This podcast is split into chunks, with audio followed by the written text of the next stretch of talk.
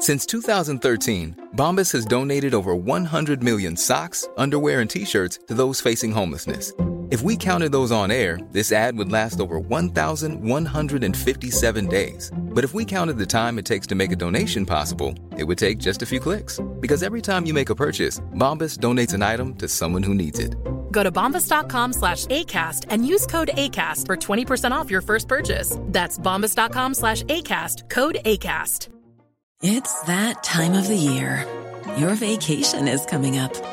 You can already hear the beach waves, feel the warm breeze, relax, and think about work. You really, really want it all to work out while you're away.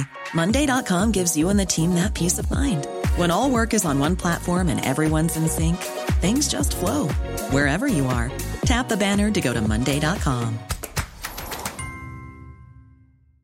Hey, I'm Ryan Reynolds. Recently, I asked Mint Mobile's legal team if big wireless companies are allowed to raise prices due to inflation. They said yes. And then when I asked if raising prices technically violates those onerous two year contracts, they said, What the f are you talking about, you insane Hollywood ass? So to recap, we're cutting the price of Mint Unlimited from $30 a month to just $15 a month. Give it a try at mintmobile.com slash switch. $45 upfront for three months plus taxes and fees. Promo rate for new customers for limited time. Unlimited more than 40 gigabytes per month. Slows. Full terms at mintmobile.com.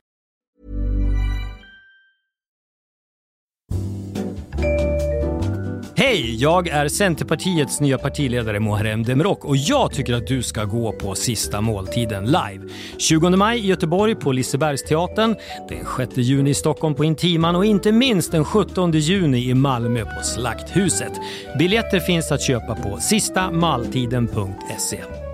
Nu ska jag gå och kasta pinnar med min hund Allan.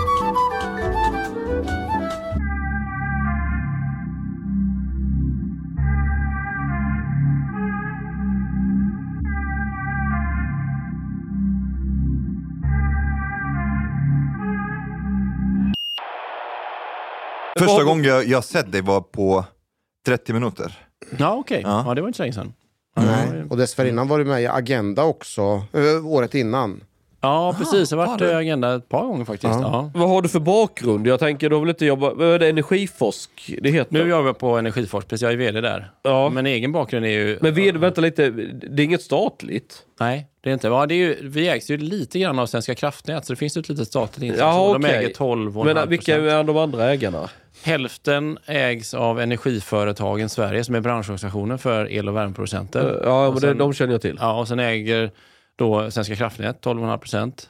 To- 12 procent? Ja, 12,5 är det. Och Jaha, sen okej, är en åttondel. Energigas Sverige som äger 12,5 och sen äger Nordion som äger gasnätet i Sverige. Men det är som inte finns- mycket Nej. gasnät, det är lite vid Ja, Helsingborg. och nu tror jag nog fel faktiskt. Nog- SVK äger, äger nog 25 procent och så äger gasaktörerna de Ja, ja, 25. okej, okej. Så är det nog. Var det du som startade Energiforsk? Nej, nej, nej, det har funnits. Ja, i och för sig, det har inte funnits jättelänge. Det- Det startade 2015. När man, Ja. Då slog man ihop fyra organisationer som höll på med forskning, gas, värme, el och så. Så slog man ihop det till ett 2015 och sen började jag 2016. Ja, Men jag tänkte innan du började på Energiforsk, vad gjorde du då? Jag har jobbat som konsult ett tag och som lite forskare också och jobbat mycket med analys själv. Liksom. Så jag bytte sida bordet. Jag har jobbat både i Sverige och sen så var jag ansvarig för scenarier och långsiktiga så här, teknikarbete på det internationella energiorganet, heter det på svenska. International Men du har ganska mycket koll vad som händer på energimarknaden då? Ja, det är väl delvis mitt jobb. Så att det Ja. hoppas jag att jag har i alla fall lite grann.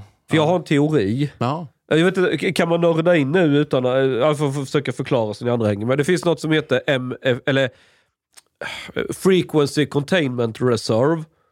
En tjänst. är, det, känner- är det den här som ska ligga på 50 hertz eller Ja, vad det är hela ja tiden? precis. Och eftersom, vi nu, eftersom vi nu har tagit de här fantastiska besluten att lägga ner fullt fungerande elproduktion och ersätta med till exempel vindkraft som har asynkrona elmotorer. Då är inte de infasade på nätet och bidrar de inte med svängmassa. Rätta mig om jag har fel.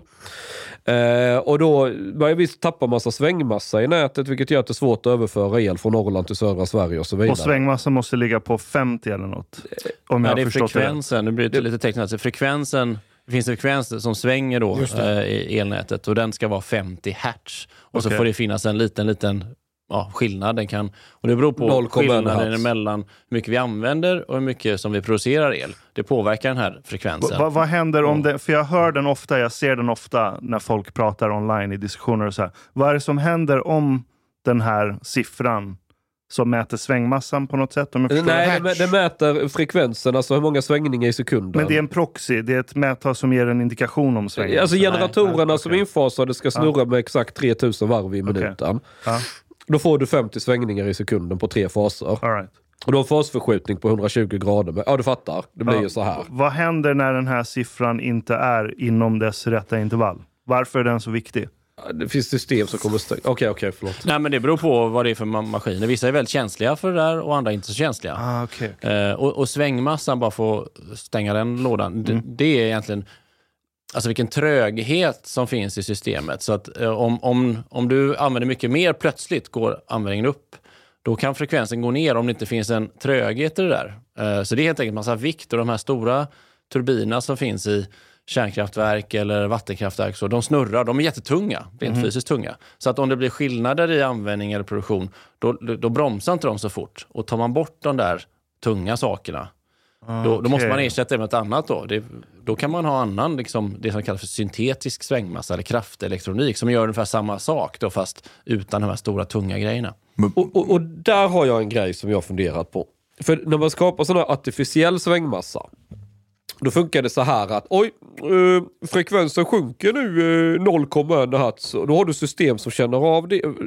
Det du gör det är att du, du budar till Svenska kraftnät. Eh, MFF, men, eller vad heter det? Det Det finns är en sjuk teknisk ingång på den här podden, måste jag säga. Ja, men, men enkelt förklarat. Du, har- kan buda på att vara en som Ja, justerar den ja, här, du budar på att du står i beredskap att Ja. göra det. Ja, Och, då men det får, känner jag och då får du en ersättning för den timmen. Och då har du en viss installerad effekt att ja, men nu kör jag eh, ett växthus där jag odlar eh, weed. Eh, Vi måste ju kunna röka på på fredagskvällarna. Det här är inget som vi alla andra står Och- bakom. Det här är ett hypotetiskt och så- scenario. Och det så har jag- pratar om på era middagar? Ja, ja. Och så har jag installerat här eh, liksom 1,6 megawatt jävla HPS-lampor för att eh, odla min White Widow. Den ska bli riktigt krispig och bra här. Men eftersom jag är en god miljövän och vill hjälpa elnätet så, så bjuder jag ut detta och säger att eh, om frekvensen sjunker så är jag beredd att stänga av elproduktionen blixtsnabbt. För, för, att, för att lätta upp systemet så att du kommer tillbaka upp till rätt varvtal. Right. Det är som du kör en bil i en uppförsbacke så märker Ja. du att motorvarvtalet börjar ju sjunka lite. Ja. Ja. Så det, det du gör det hjälpa till att minska uppförsbacken för att du ska hålla jämn frekvens. Men då har jag kommit på en sak. Jag har, driver ju ett litet elhandelsbolag. Jag vet inte om du känner till, skitsamma. Ja, Ja, jag har bara läst eh, om det. vi är som god Ja. fast tvärtom om man säger. Skitsamma. Eh, och då har jag funderat på om jag ska liksom börja erbjuda eh, f- frequency containment reserve-tjänster. För att till exempel om jag har 3000 kunder i Stockholmsområdet och så är det jävligt många av dem som har en värmepump eller en elpatron eller någonting. Och vi bara kan ge den ett IP-nummer så jag kan styra den, stänga av och sätta på. För det, i en ackumulatortank så har du lagrad energi. De märker ingen skillnad om den är avstängd 20 minuter och sen går igång igen. Det betyder ju att då skulle jag ju kunna, samlar vi tillräckligt många sådana, då kan jag erbjuda det och buda mot Svenska kraftnät. Så jag lekt med tanken, det blir någon slags eh, virtuellt kraftverk eller vad man ska säga som kan inne och balansera på, ja, ja du vet vad jag menar. Ja. Poängen som jag slog mig, det är att vem som helst kan göra det här. Ja. Säg att jag blir stor elhandlare och har stor kundbas och får ut detta på stora, jag menar det är många, många megawatt effekt som jag skulle kunna från min dator stänga av och sätta på. Vad skulle hända om jag simultant skulle vilja jävlas? Då skulle jag ju kunna i en eh, timme med väldigt hög last kunna gå ut till alla de här på kommando stänga av. Då sticker frekvensen lite och sen börjar andra system hugga in för att matcha detta. Ja, men då slår jag på alla igen och för att förstärka svängning åt andra hållet. Till slut skulle man ju få hela systemet att kuka ur. Marcus, snälla säg att det finns något system som hindrar chans virtuella kraftverk från att Ja, fucka alltså, från hela att fucka Sverige. hela elnätet. Det gör det alldeles... Jag vet faktiskt inte, eh, i mitt ärliga svar, eh, om det skulle gå att göra det där. Eh, Men du, en- du vet vad jag menar? Ja, jag förstår vad du Ja. menar. Liksom. Det blir som en gunga, Ja. du skjuter på hela Ja. tiden. Till slut så har... Sen har ju Svenska kraftnät som har har ansvaret för att vi ska ha ett stabilt elnät, de har ju jättegod kontroll på det där. Och mycket av hur de arbetar är också hemligt för att det inte ska gå att göra sådana här saker. Det ska inte gå att sabotera vårt elnät. Men, men jag, så jag, jag vet faktiskt inte hur det går till där. Som du märker nu så är våra kunskaper lite olika. Eh, Chang, Chang driver eh, eh, ett energibolag, elbolag. Jag har läst elprogrammet på gymnasiet. Så det är min kunskapsnivå. Jag är- Du, så du är inte bara en vanlig snickare? du är elektro- Ja, nej, men jag, jag, också. jag, jag installerar eh, kablarna och eh, sånt här. Det är bra. Jag, jag är doktor i kemi, så jag kan inte allt om energi. Jag har lite att ta igen. Ja, Ja. Eh, men, eh, Omar är flykting från... but if we start by something that Shang mentioned, why is it difficult to, to transfer electricity from north to south of Sweden? Varför det är så svårt? Ja, så svårt är det inte. Det är mest att vi måste ha tillräckligt så här, tjocka sladdar om man förenklar lite grann. Så det måste finnas kapacitet. Man kan bara överföra en viss mängd energi per sekund givet en viss typ av kabel. Och så har vi byggt ett antal kablar då, mellan norra och södra Sverige. Och, så då finns det liksom begränsningar i. Men är det bra att ha mer kablar då? Ja, det är bra så tillvida att vi kan föra över mer el per tidsenhet. Så att det- skulle vara bättre för vårt energisystem och elsystemet om vi hade obegränsad med överföringskapacitet. Så att det var en enda stor kopparplatta som man ibland brukar prata att elen kunde flöda helt fritt. Då skulle vi ha samma pris överallt. Det skulle inte bli några begränsningar i, i eh, ja, överföringen mellan olika delar av landet. Så det skulle vara en stor fördel. Då kunde man utnyttja ja, all vår produktionskapacitet Varför? perfekt hela tiden. Men det, ju, det skulle bli väldigt dyrt. Så varje kabel vi bygger kostar en massa pengar. Okay. Eh, so this is man- not the most effective thing to do maybe, eller? Nej, Kring hela precis. Sverige i koppar. I Nej, like men- the idea. Nej, men alltså, vi, vi, har ju haft, vi har ju alltid haft den här avvägningen mellan, är det värt att bygga en elkabel till och, och, eller inte? Och fram till ganska nyligen så har ju de här, alltså det syns ju nu i de här stora prisskillnaderna som vi har sett den senaste tiden, under, ja, sen, framförallt då sen Ryssland invaderade Ukraina, så det blir stora skillnader i pris mellan norra och södra Sverige. Och det beror ju på bland annat då att de här kablarna inte har kapacitet att föra ner elen från norra Right. Sverige. Men så de här prisskillnaderna har inte alls varit så stora tidigare. Eh, utan- Why not? Därför att det har inte varit så stor skillnad. Dels, två, två orsaker. Dels har inte skillnaden mellan norra och södra Sverige varit lika stor. Det har ökat den här skillnaden i mycket, alltså skillnaden mellan produktion och användning. Den har blivit mycket större. Eh, Så att underskottet i sö- södra Sverige har ökat och överskottet i norra har ökat. Så då, det är det ena. Och sen har dessutom priserna generellt blivit mycket högre i södra Sverige, drivet av de höga priserna i, I Tyskland. i, i, ja, i Tyskland och Polen Ah, framförallt right. och Danmark. Så att det har gjort att det två, de två effekterna tillsammans har gjort att det har, det har märkts mycket mer. De här kapacitetsbegränsningar som förut fanns men som inte spelar så stor roll kanske, de har blivit så tydliga nu. Men här, här får måste jag också flika in att man har stängt ner eh, Ringhals eh, två kraftverk där. Nu Ja, har vi tappat svängmassa och överföringsförmåga. Hur mycket har Ja, det de har- påverkat?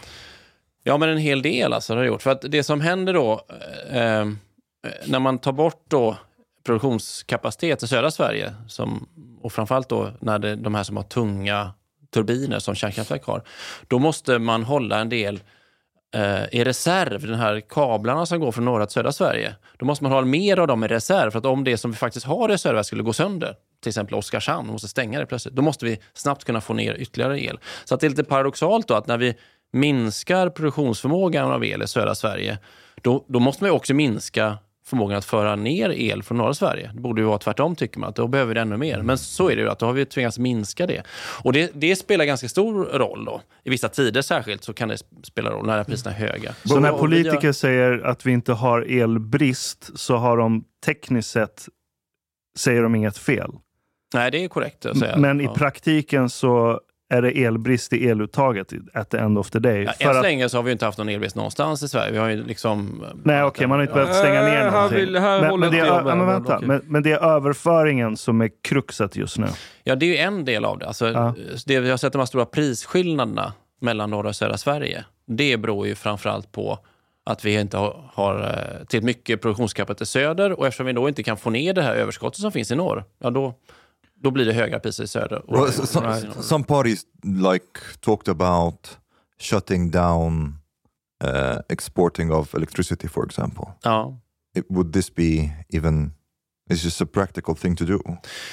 Eh, Alltså det finns dels är det nog svårt, juridiskt skulle det vara jättesvårt, eh, säger de som är bra på juridiken. För vi är tvungna att exportera. Vi får inte säga till de andra länderna runt oss att vi, vi vill inte exportera. Utan But let's det- say we, we do Ja, that. det skulle vi kunna. Ja. Låt säga att vi struntar i det eller skriver om reglerna så att vi skulle få. Så det är ändå så att på kort sikt så skulle det vara bra för svenska elkonsumenter. Därför att då skulle priserna sjunka kraftigt i södra Sverige. Om vi inte hade några sladdar, låt säga att vi klipper av kablarna till Polen och Danmark Right. och så, så skulle priserna sjunka dramatiskt i södra Sverige. För då stänger vi liksom in vår elproduktion.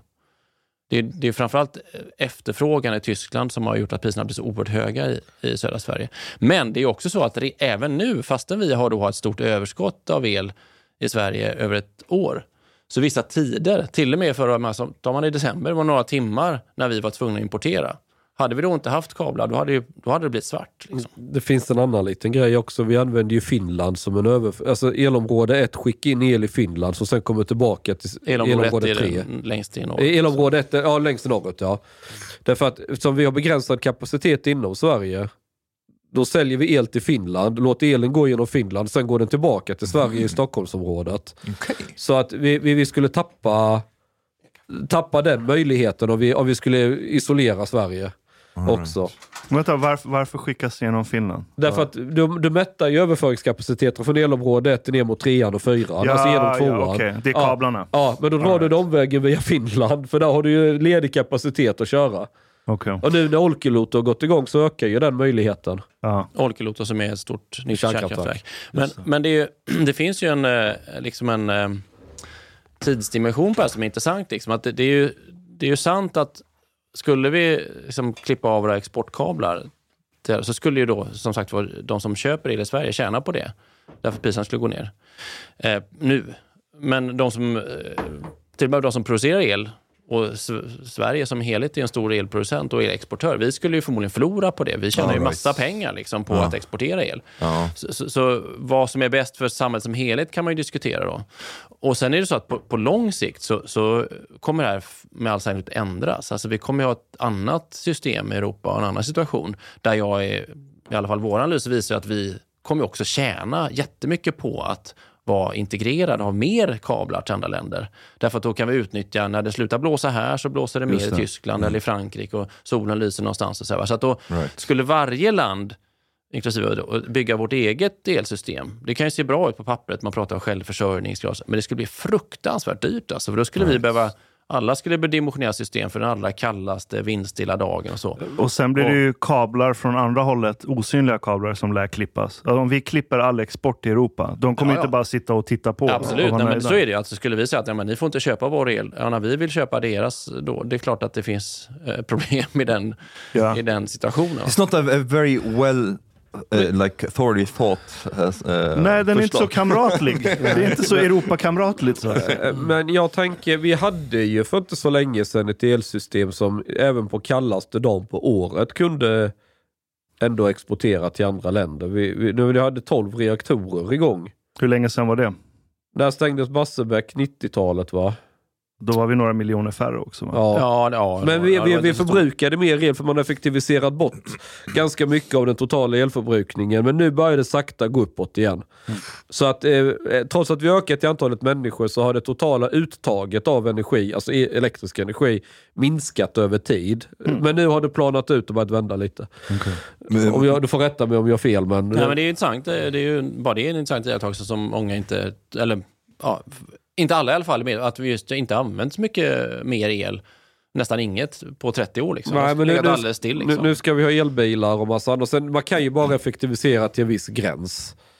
Eh, Marcus, om vi backar tillbaka bandet, den här diskussionen om energi, el och allt det här, det har inte alltid varit så hett på tapeten. Nej, så är det. Eh, och eh, innan valet så uppfattade jag att det, det uppstod olika sanningar kring varför, eh, varför det, det kommer bli så dyrt med elen. Mm. Eh, ena laget pratade om att det, var, eh, det handlade om kriget mellan Ryssland och Ukraina.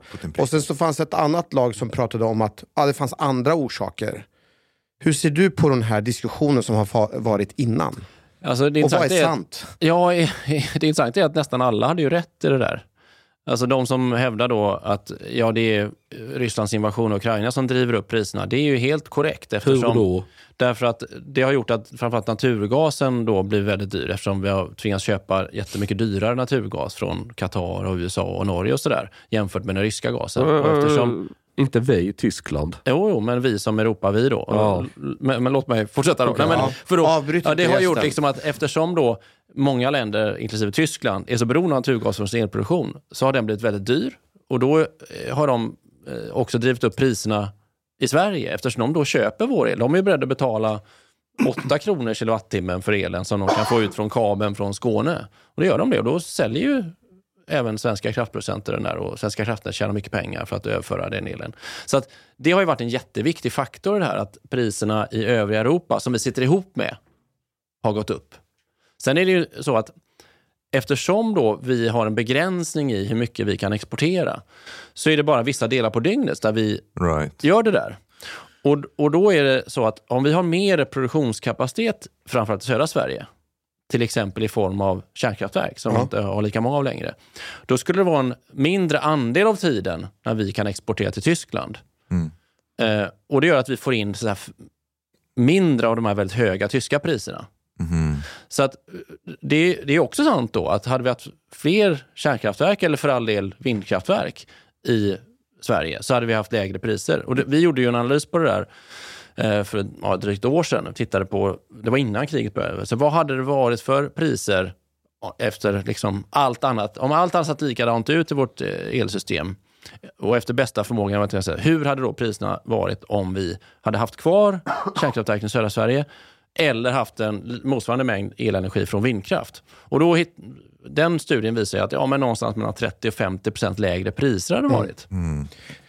Och sen Det är ju stor effekt ja, då. det är jättestor skillnad. Men- Vänta, eh, och sen så var det samtidigt som den här debatten pågick så kommer det ju anklagelsen från miljörörelsen, eller typ, jag vill minnas det är några kompisar till mig som är aktiva inom Miljöpartiet och säger att men det här är ju inte på grund av Ryssland-Ukraina-konflikten, det här är på grund av att vi har under lång tid behövt göra oss beroende av el och har så pass höga kostnader. Beroende av el eller? Eller, eller liksom att vi har så pass, om vi skulle redan i, i god tid börja planera så att vi skulle kunna ha, eh, ha mindre liksom, energikonsumtion så skulle det här inte ha uppstått. Ja, det, och det är också sant. alltså, eh, men nu tittar vi, pratar vi bara elproduktion då. Den andra delen av ekvationen är ju elanvändning, hur mycket vi använder. Så att om vi... Alltså en stor del av den här prisväkten är hur, hur mycket vi mättar de här kan, eh, kablarna, för att använda ditt uttryck Chang. Liksom, om vi hade, fyller de här sladdarna till Tyskland, när de är fulla, då får vi inte in de tyska priserna. De, de kan vi fylla antingen vi producerar mer i Sverige, eller om vi använder mindre. Ja, så då har ju dina vänner rätt. Ja, på alltså. Miljöpartiet. Ja, då har de rätt. Liksom. Och det gjorde vi också analys på då i september. Som är, då var då jag satt i Agenda. Liksom, Just och det det. fick ett enormt genomslag. Att om vi sparar el i södra Sverige, ganska lite, 5 procent, det är inte mycket, vi har sparat mycket mer faktiskt. Då får det en jättestor effekt på priserna. Dels för att priserna i Sverige sjunker, men framförallt för att vi då kan exportera mer och mätta de här kablarna.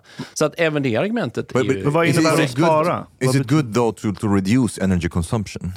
Ja, alltså det, ja, slöseri är ju alltid bra att ta bort. Sen är det klart Mm. att vi, det är ju massa saker som vi behöver och vi skapar massa välstånd med energianvändning. Och, och, Because fr- from what I understood, actually, we our needs for energy will increase uh, exponentially. Ja, framförallt el. Alltså framförallt elanvändningen förväntar vi oss, alltså andelen el i vår användning förväntar oss att den kommer att öka. Och det drivs av framförallt då vår vilja att bli av med fossila bränslen. Eh, och, och, och då använder vi el istället. Right. Så vi ersätter till exempel då kol i ståltillverkning med vätgas som vi producerar med el. Och Det kommer göra att vi förmodligen kommer använda mycket mer el just. Sen kanske vi inte behöver använda så mycket mer energi som helhet. För att el är så mycket mer effektivt än att bränna saker. Då. Men vad innebär det att spara 5% Hur gör man det? Är det möjligt? Alltså just fem, det är ju, de allra flesta människor kan spara 5 eh, bara på att sätta upp lite tätningslistor, duscha lite kortare och sänka temperaturen någon tiondels grad. Liksom. Så fem, det är inte svårt. Eh, företag, men de som jobbar som är bättre än jag på det här, som tittar på de flesta företag kan ju spara 20 kanske i sina processer bara genom att ställa in det de har på ett vettigt sätt. Ofta ligger det liksom i de saker som är kanske inte... Om man är bra, om man eh, lever på att koka grejer, en kemiindustri till exempel, då är man oftast väldigt bra på att koka saker. Jättebra. Effektivt. Däremot så det som ligger runt omkring det där, ventilation, belysning mm -hmm. och sånt, va? tryckluftsmaskiner, det tänker man inte så mycket på. Så där finns det ofta jättemycket. Så att 5 och det ser vi nu, alltså, det, det har ju sparats ganska snabbt. But isn't this something that maybe would be regulated more by the market? Because when, when the energy prices they go up, the electricity prices go up, people will think more about like saving. uh, Absolut, och det är, det är ju det som har hänt. Liksom. Ja. Jag tror inte att det här bara är... Eh, eller så här, nu när priserna har blivit höga, det är ju, dels är det ju en kunskapsfråga såklart. För, ja, nu sitter vi här och pratar om energi eh, och el.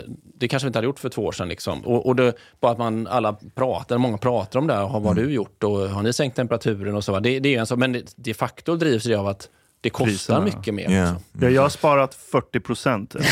Ja, du ser. Liksom. Bara på att stänga av golvvärme. Ja. Det stod för 40 procent av min elräkning. ja. Vem var det som Shit. kom med det tipset, Ashkan? Men Det var nog du. samtidigt, vi sänker ju levnadsstandarden genom att sänka inomhustemperatur och man ska börja, sånt, alltså hela den inflationen och räntehöjningen och att ekonomin går åt helvete. Det är ju för att energi är ju basvaran, insatsvara i nästan all ek ekonomisk aktivitet. Ja, och det, och det, är ju, det kommer inte din fråga om att liksom, vi kan ju inte spara oss genom hela den här energiomställningen. Det kommer ju inte gå. Liksom, eller vi kan inte spara oss till... Liksom,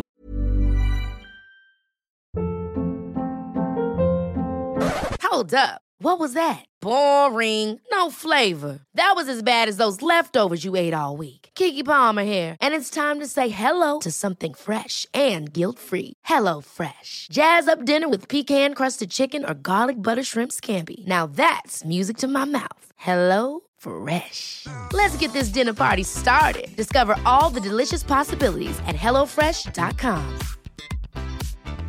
Hey, it's Ryan Reynolds, and I'm here with Keith, co star of my upcoming film, If, only in theaters, May 17th. Do you want to tell people the big news?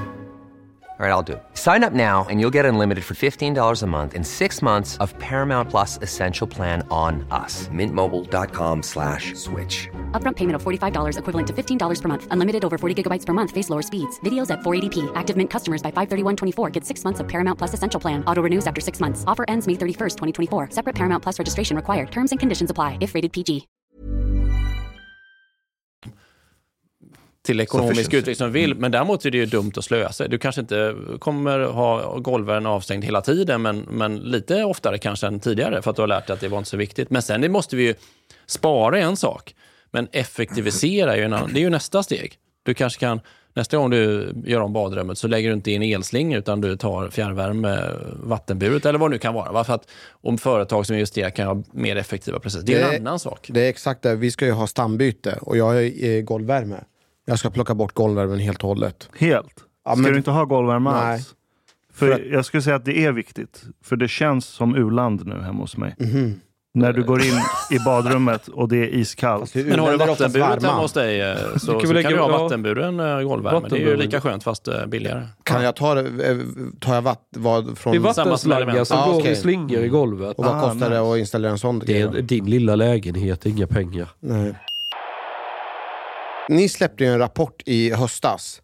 Så vart det ju en huggsexa om att dra fördel av den här rapporten. Jag är lite nyfiken, hur kändes det att vara den här personen som har släppt det här rapportet och se hur alla politiker pratar om det?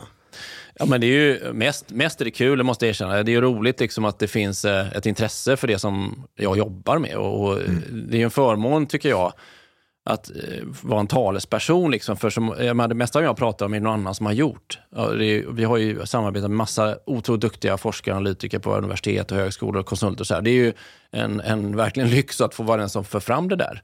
Så mest är det roligt. Sen är det klart att som alla, eh, gissar jag, när någon annan pratar om sitt yrke, det är säkert så när någon pratar om poliskårens arbete och intresse för det, eller kemi eller vad det kan vara, så, så, så ser man ju, oj, det var inte kanske riktigt så. Nej. liksom, och, och, och de eh, allra flesta använder ju typ våra stat för sina egna agendor. Och, så och, och det kan vara frustrerande. Men, men på det stora hela så är det ju, har det ju varit en fantastisk utveckling. Liksom, och kunskapsnivån tycker jag kring energi har ju ökat enormt i Sverige. Och det är ju jätteroligt mest. Vill du berätta lite om rapporten? Vad, vad var slutsatsen, eller vad, vad var the gist of it som gjorde att så många började prata om den? Ja, men om man om man tänker på den som, kom, som vi släppte i september, där, som handlar om effektivisering och besparingar.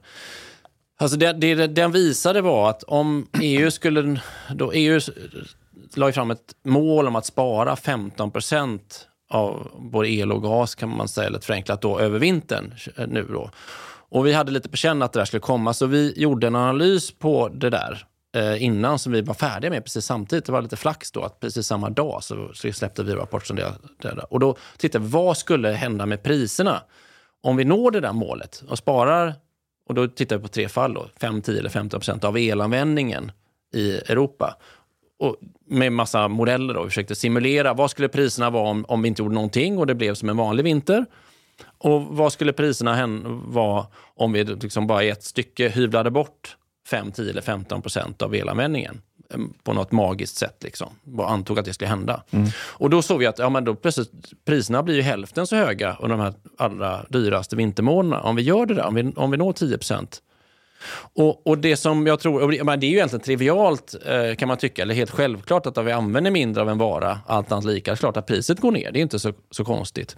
Men det som jag tror gjorde att den fick så stor uppmärksamhet, det var dels att effekten var stor. Liksom man såg att oj, 10% borde vi kunna klara och, och, vi får så stor priseffekt. Och sen, så det var det ena. Och det andra var att vi visade att om jag sparar eh, på el och använder mindre, ja det har ju alla sett i alla tider, liksom, alla som har jobbat med det. Ja, det är klart att det är uppenbart att man sparar pengar. Men det vi visade var att om jag sparar, du sparar och din granne och din grannes granne också sparar lite grann, då sjunker också priserna. För att marknaden som helhet påverkas ganska snabbt. Så du både köper färre kilowattimmar, det är uppenbart, och du betalar mindre för varje kilowattimme. Och den effekten är stor. Så det tror jag att det, det är liksom... Och så var tajmingen sån då att vi har haft en valrörelse där alla pratar liksom kärnkraft, vindkraft och produktion bara.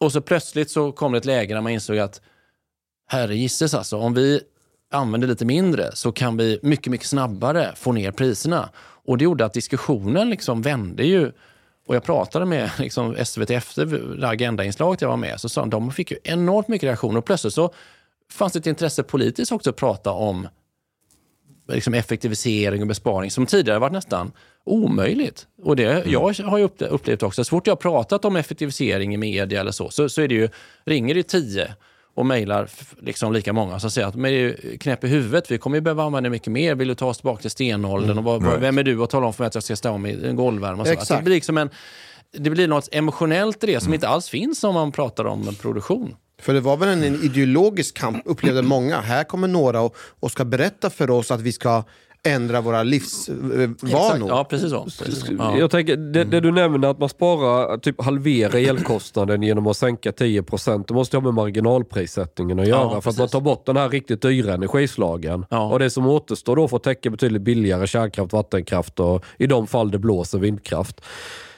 Ja, precis så. Men det jag funderar på är... Och så får vi då in mindre, vi mättar kablarna. Ja, det blir det ja. för att vi ökar, vi, vi, får ju ett överskott för att fylla dem. Ja, ja visst. Ja.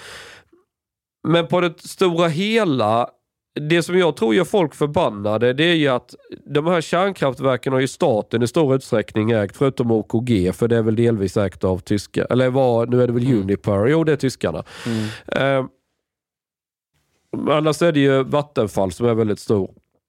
Och så stänger man de här i förtid. De skulle fortsätta kunna gå ett antal år till.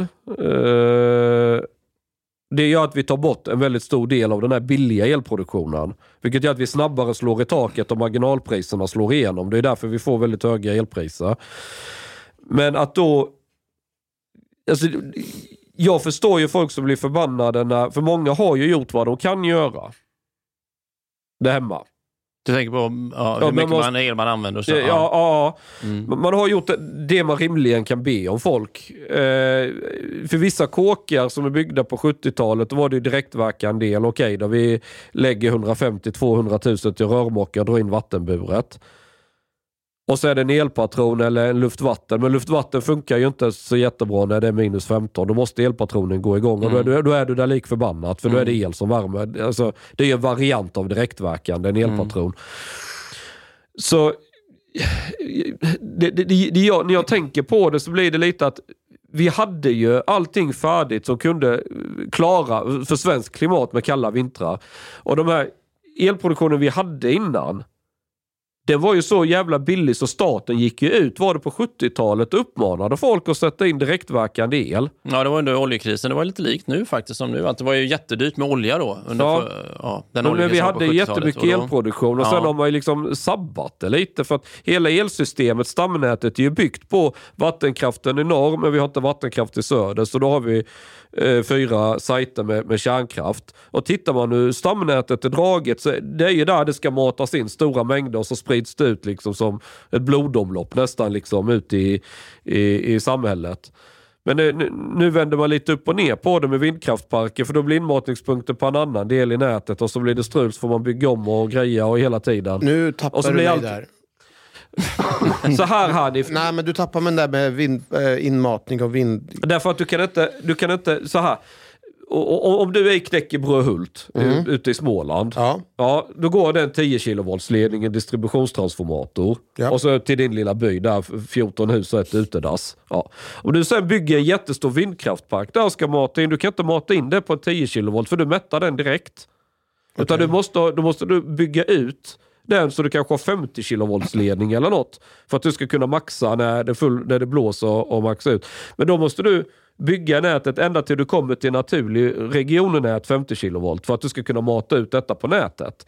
Så att när du ändrar om så du får nya inmatningspunkter då måste du bygga om hela för elnätet är designat för att du ska ha de här fyra stora producenterna, alltså sajterna med kärnkraftverk för södra Sverige. Och det är inte så att man kan bara placera vindparken på ett ställe nära inmatnings... Jo, Eller i vissa fall kan med. du göra det. Om du, om du skulle ha någon vindkraftpark i Öresund så kan du ju skicka, det är ju det rationella, och dra in där det Barsebäck står ju, för Mm. då har du ju färdiga ledningar att bara mata in på. Men, men alltså det här att, att elen blir dyrare, det är ju inte bara kilowatt, priset på kilowattimme, det är ju nätavgiften också Mm. som har gått, dra, dratt iväg.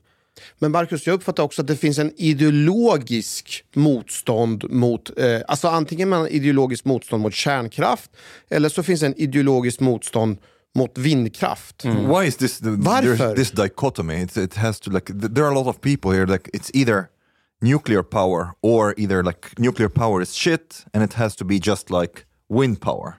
Maybe Shang is one of these. Ja, jag, Uh, thing, Ja, ja, wind power ja, men- shit kind of team. Ja, nej, men det, är, det är intressant. Det, är, det har ju varit otroligt destruktivt, tror jag, att det har blivit så. Eh, och, och Jag är ingen historiker, men jag menar, tittar man på kärnkraften är ju speciell. Va? Den, och motståndet mot kärnkraft bottnar ju i menar, det finns en, liksom en lång historia. Miljörörelsen, Fredsrörelsen liksom, som började med, som, som kopplade ihop det med kärnvapen och det Right. fanns risk för att det, liksom, civil teknik skulle bli militär och så. så det, och, och det fanns ett liksom stort motstånd som går långt tillbaka innan jag ens var född. Liksom. Eh, som eh, spelar roll fortfarande tror jag. Och sen så kommer liksom oron kring olyckor och säkerhet och avfall och så, som skiljer sig. Det finns inget, inget annat kraftslag som har de dimensionerna. Så att kärnkraften har är en speciell liksom, teknik på det sättet som väcker känslor som kanske inte finns på samma sätt. Så där, det spelar säkert in att det finns den här kopplingen mell- mellan ideologi och just kärnkraft. Och sen tror jag att det har liksom blivit så, det är ju inte så i alla länder eh, som är Sverige, att- det har då, då har den skiljelinjen också sammanfallit med politiska skiljelinjen. Så att vindkraft då, som har varit liksom, eh, de som har varit ideologiskt eller av andra skäl emot kärnkraft har ju då sagt att vindkraft är lika bra eller bättre. Och, och då har det funnits en tacksam politisk konflikt att ha där som inte bara med energisystemet gör utan också man vill vinna andra så här, politiska poäng genom att, att synliggöra den konflikten. Så, att, och, så, så, så det, liksom, det är både de här ideologiska komponenter som finns men också en, en sån här realpolitisk dimension som ju har kommit senare. Sen finns det ju så här tekniska aspekter här också, så man kan tro olika. Och I min värld, liksom de som jobbar med forskning och analys, detta, så, så är den här kulturdimensionen inte alls lika stark. Den finns där i vissa fall, men, men inte så alls så uttalat. Och ändå kan ju, och är det så att analytiker som bevisligen är smarta liksom i alla läger, kommit till olika slutsatser kring vilka teknik och tekniska system som är bra. Och, och det beror inte på ideologi, utan det beror på att man tror olika om... Jag menar, till exempel, din, din beskrivning av systemet är ju, är ju, i stora delar korrekt, Chang, att vi har ju designat ett system för, för att hantera de här svängningarna med, med en uppbyggnad som har kärnkraft. Och då kan man ju så här, tro olika och komma till olika. Vad- Ja, men vi kan ju bygga ett annat system. Det var jättebra när man byggde upp det där. Men det är kanske billigare och bättre att ändra på det. Och, och ha andra sätt att hantera den här frekvenshanteringen som vi började den här diskussionen med. Liksom en med stora tunga turbiner och med, med elektronik och en massa smarta lösningar. Och, och, och du Chang, när du har, kan stänga ner dina kunders elanvändning. och så, att, att de, ja, och så tror man, det tror man är jättebra då. Vissa. Och då kommer man fram till att vi behöver inga kärnkraftverk, vi kör allting utan vind. Och så andra som tror att ja, det där det kommer bli jättedyrt eller jättesvårt eller folk vill inte och varför chansa? Vi, vi gör det vi kan och vi har bevisligen haft system som funkar väldigt bra. Men då, och då kommer man fram till att till exempel kärnkraft är bra. Så att det finns ju liksom en teknisk dimension här och, och, och hantera. Och den som är tvärsäker här tycker jag har väldigt låg trovärdighet. För att så lätt är det inte att veta. Liksom. Jag är tvärsäker. Be- Because if I remember correctly, in, eh, i 30 minuter, du sa att det är möjligt att ha ett system som är helt och hållet bara vindkraft. Det är möjligt. Det är, Ja, det tror jag. Liksom, Vi har inte sett det. Vi har inte drift... I Sverige har vi aldrig haft ett system som är, är bara baserat på vindkraft och det kommer vi ju inte ha. Vi har ju, till att börja med har vi massa vattenkraft och, måste- varför, och, som vi kommer ha. Så att, men, men rent tekniskt så skulle det sannolikt gå. Det skulle förmodligen bli ganska dyrt och vi skulle få lära oss att hantera el på ett annat sätt. eller i alla fall men- i, eh, utan kärnkraft. Ja, absolut. Ja, det tror jag. Det, Du det måste finns nog ju... ha vattenkraften om du ska ha bara vind. Alltså, Yeah, nej, nej, nej, nej. I thought he, uh, I think he said without nuclear power. But, Jaha, ja, Så vattenkraft, enbart ja. vindkraft, det, det Vattenkraft och kommer ju vindkraft. bli... Mm, Det, det går vattenkraft ju och inte. Men kan du hjälpa mig lösa en diskrepans där då? För så här, jag går hem, det är kallt i badrummet, priserna är höga. Det blir väldigt så här, praktiskt, verkligt. Ja. Och sen hör jag visioner om att vi skulle kunna dumpa kärnkraft och gå all in på vind. Och sen som lekman sitter jag och kollar och säger att okej, det behövs ungefär 130 till 400 vindkraftverk för att ersätta en kärnreaktor. Mm. Och de är inte på hela tiden. Och livstiden är ungefär 20 år.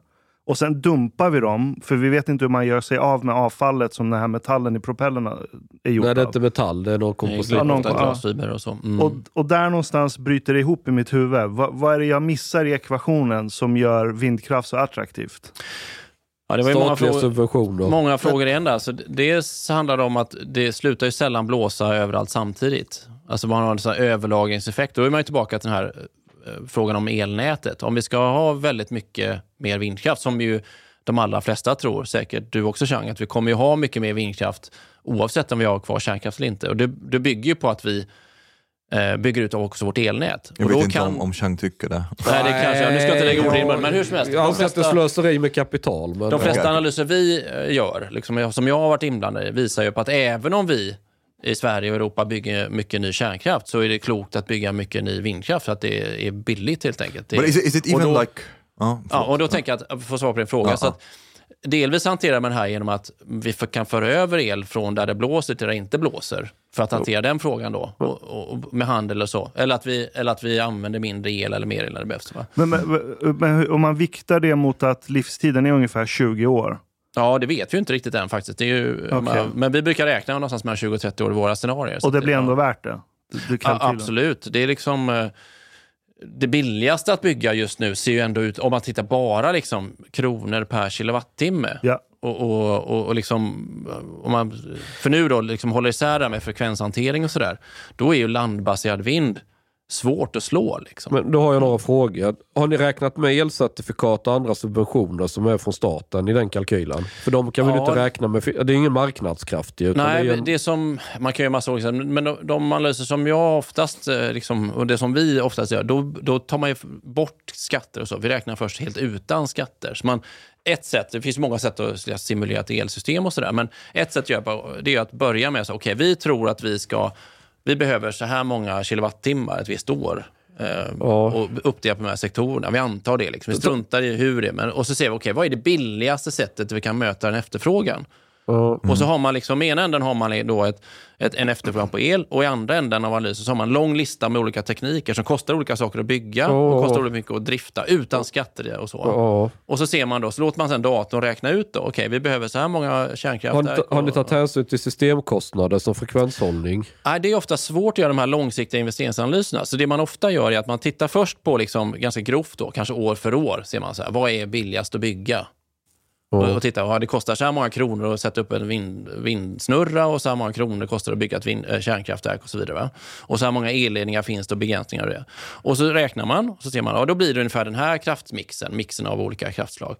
Och sen så ser man, okej, okay, går det här att, att köra? Funkar det här? Eller, eller kommer frekvensen balla ur? Liksom, eller kommer det bli vi får inte ner elen från de här vindkraftverken det slutar blåsa någonstans. Och, så, och då simulerar det mycket mer noga, per timme typiskt, Ja. över ett år. Men det går inte att göra det.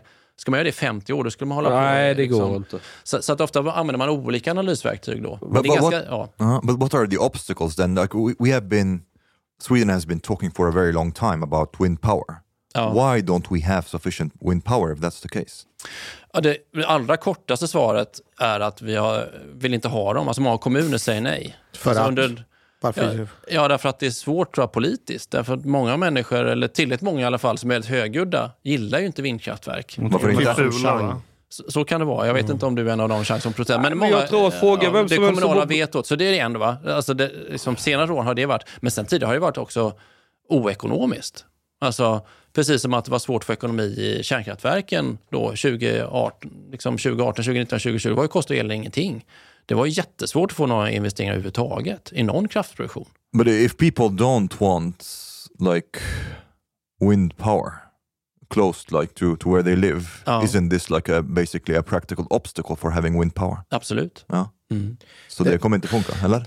Ja, jag tror att, eh, jag menar, som jag sa, sa i någon intervju, att det var väl 30 minuter, tror jag, att vi får nog välja. Liksom. Ja. Antingen så accepterar vi höga elpriser, eller så får vi lära oss att leva närmare infrastruktur. Och det kan vara vindkraftverk, eller kärnkraftverk eller elledningar. Och från elledningar behöver vi i alla fall vara. Det är svårt. Liksom. Is there as much of a, uh, lika mycket motstånd mot kärnreaktorer som mot... Uh, Ja, alltså det där, jag tycker det är svårt. Jag kan inte svara riktigt, för jag vet inte. Därför att om man tittar på de kommuner där det finns kärnkraftverk idag, det är inte så många, det är Oskarshamn och, och runt Ringhals och, och i Forsmark. Då.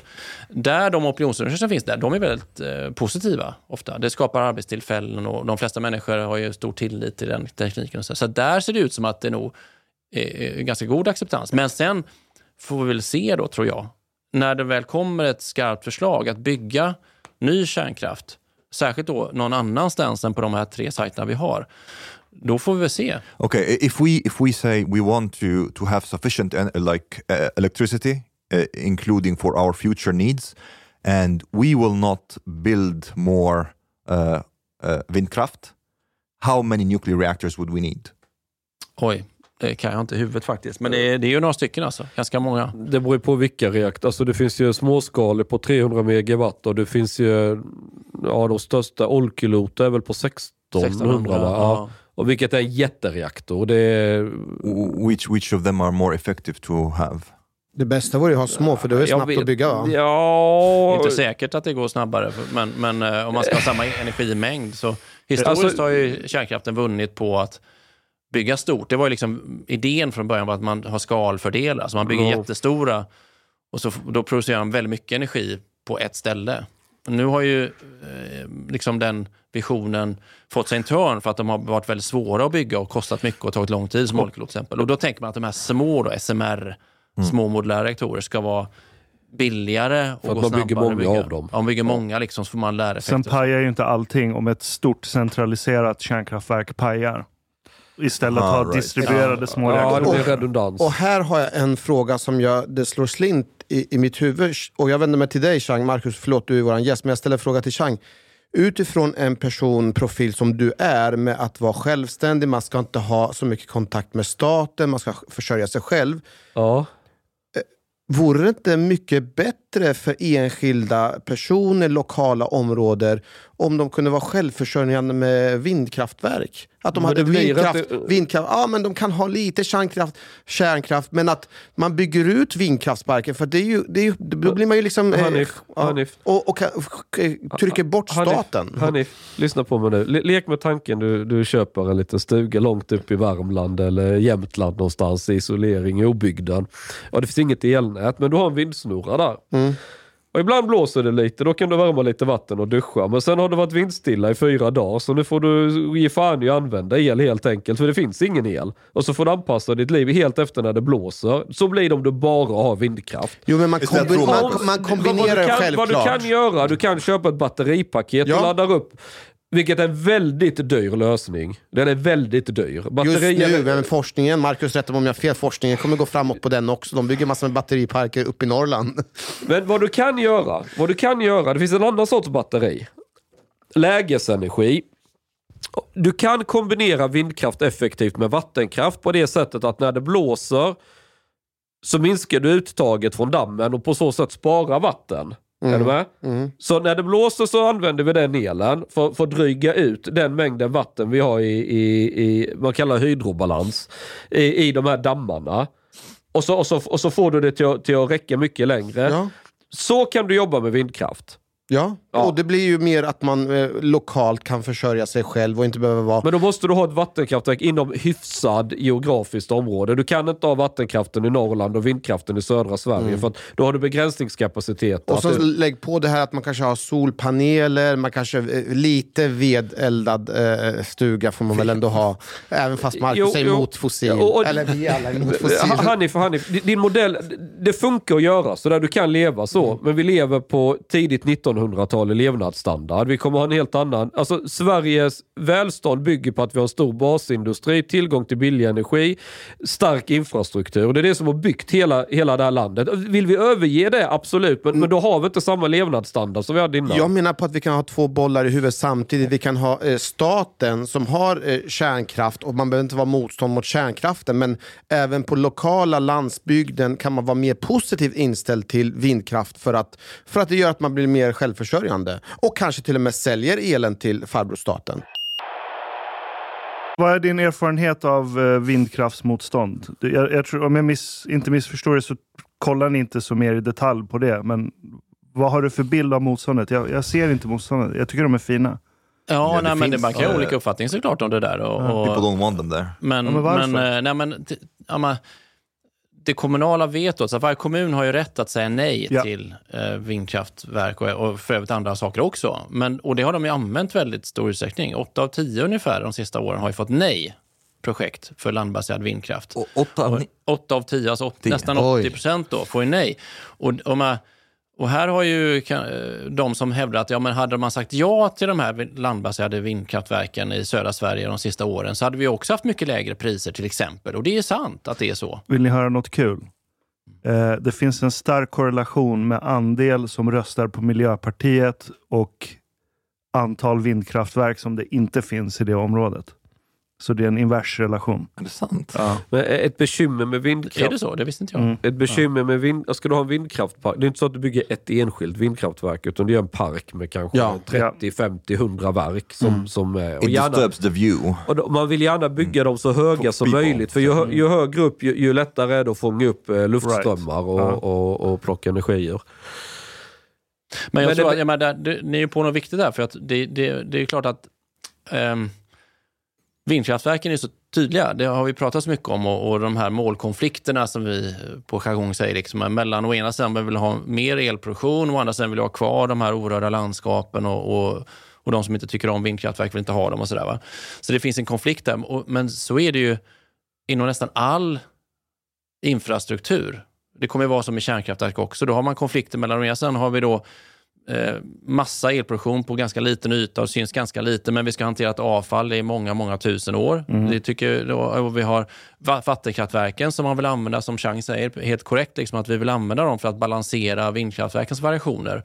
Och, och, och gör vi variationerna lite större, då tillåter oss att höja och sänka dammnivåerna mer än idag, då skulle vi få bättre möjligheter att hantera vindkraftverkens variationer. Men vi får en massa påverkan på älvfårorna som vi inte vill ha.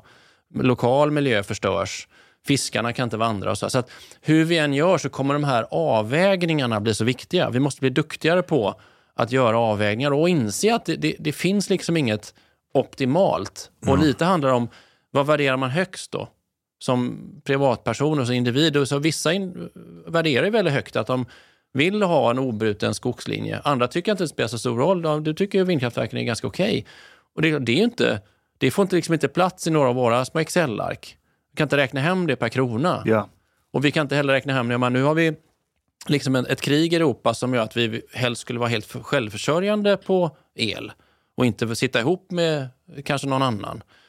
Det får inte heller plats så lätt i våra Excel-snurror och datormodeller. Utan det är också, vad är det värt, liksom, den här självförsörjandegraden? Och, och du som tog upp det här, och jag vill inte ha med staten att göra. Så det finns massa aspekter som inte går, liksom inte går att räkna på så lätt. Okej, Okay, but Marcus, if we if we look at the current circumstances, how things are, including the opposition maybe to uh, locally to Windkraft and so on, how can we proceed in a way that what is the fastest and most effective way to generate most electricity in the future? If we don't change any laws, if we and uh, and we take into consideration people's preferences, so to speak. Ja, det snabbaste är ju Okej. Du har lyssnat så här långt. På måltid. En mycket fin radioprogram i Sverige. Du tycker det är mycket trevligt. Men, min vän, lyssna på mig nu. Du har inte betalat biljett på klubbzista måltid. De har blate grabbarna de behöver pengar. Flis. Lax. Stolar. Dyra bilar. Lyxhotel. Du vet. Då måste du betala om du ska lyssna mer. Du får många fler avsnitt också. Paket erbjudande, helt enkelt. Läs i beskrivning för avsnitt, där det finns information för att bli medlem på klubbista måltid. Det kostar som en mycket liten kaffe latte ute på torget. Per månad. Lätt som en plätt. Tack, min vän.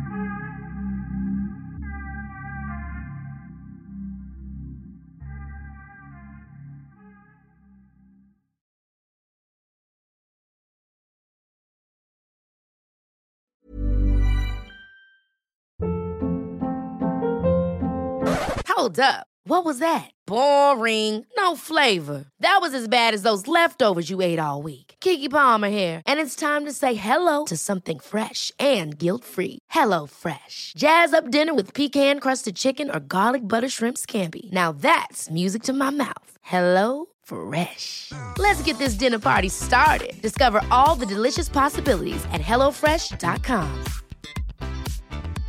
Imagine the softest sheets you've ever felt. Now imagine them getting even softer over time. That's what you'll feel with Bowl and Branch's organic cotton sheets. In a recent customer survey, 96% replied that Bowl and Branch sheets get softer with every wash. Start getting your best night's sleep in these sheets that get softer and softer for years to come. Try their sheets with a 30-night guarantee. Plus, get 15% off your first order at bowlandbranch.com. Code BUTTERY. Exclusions apply. See site for details.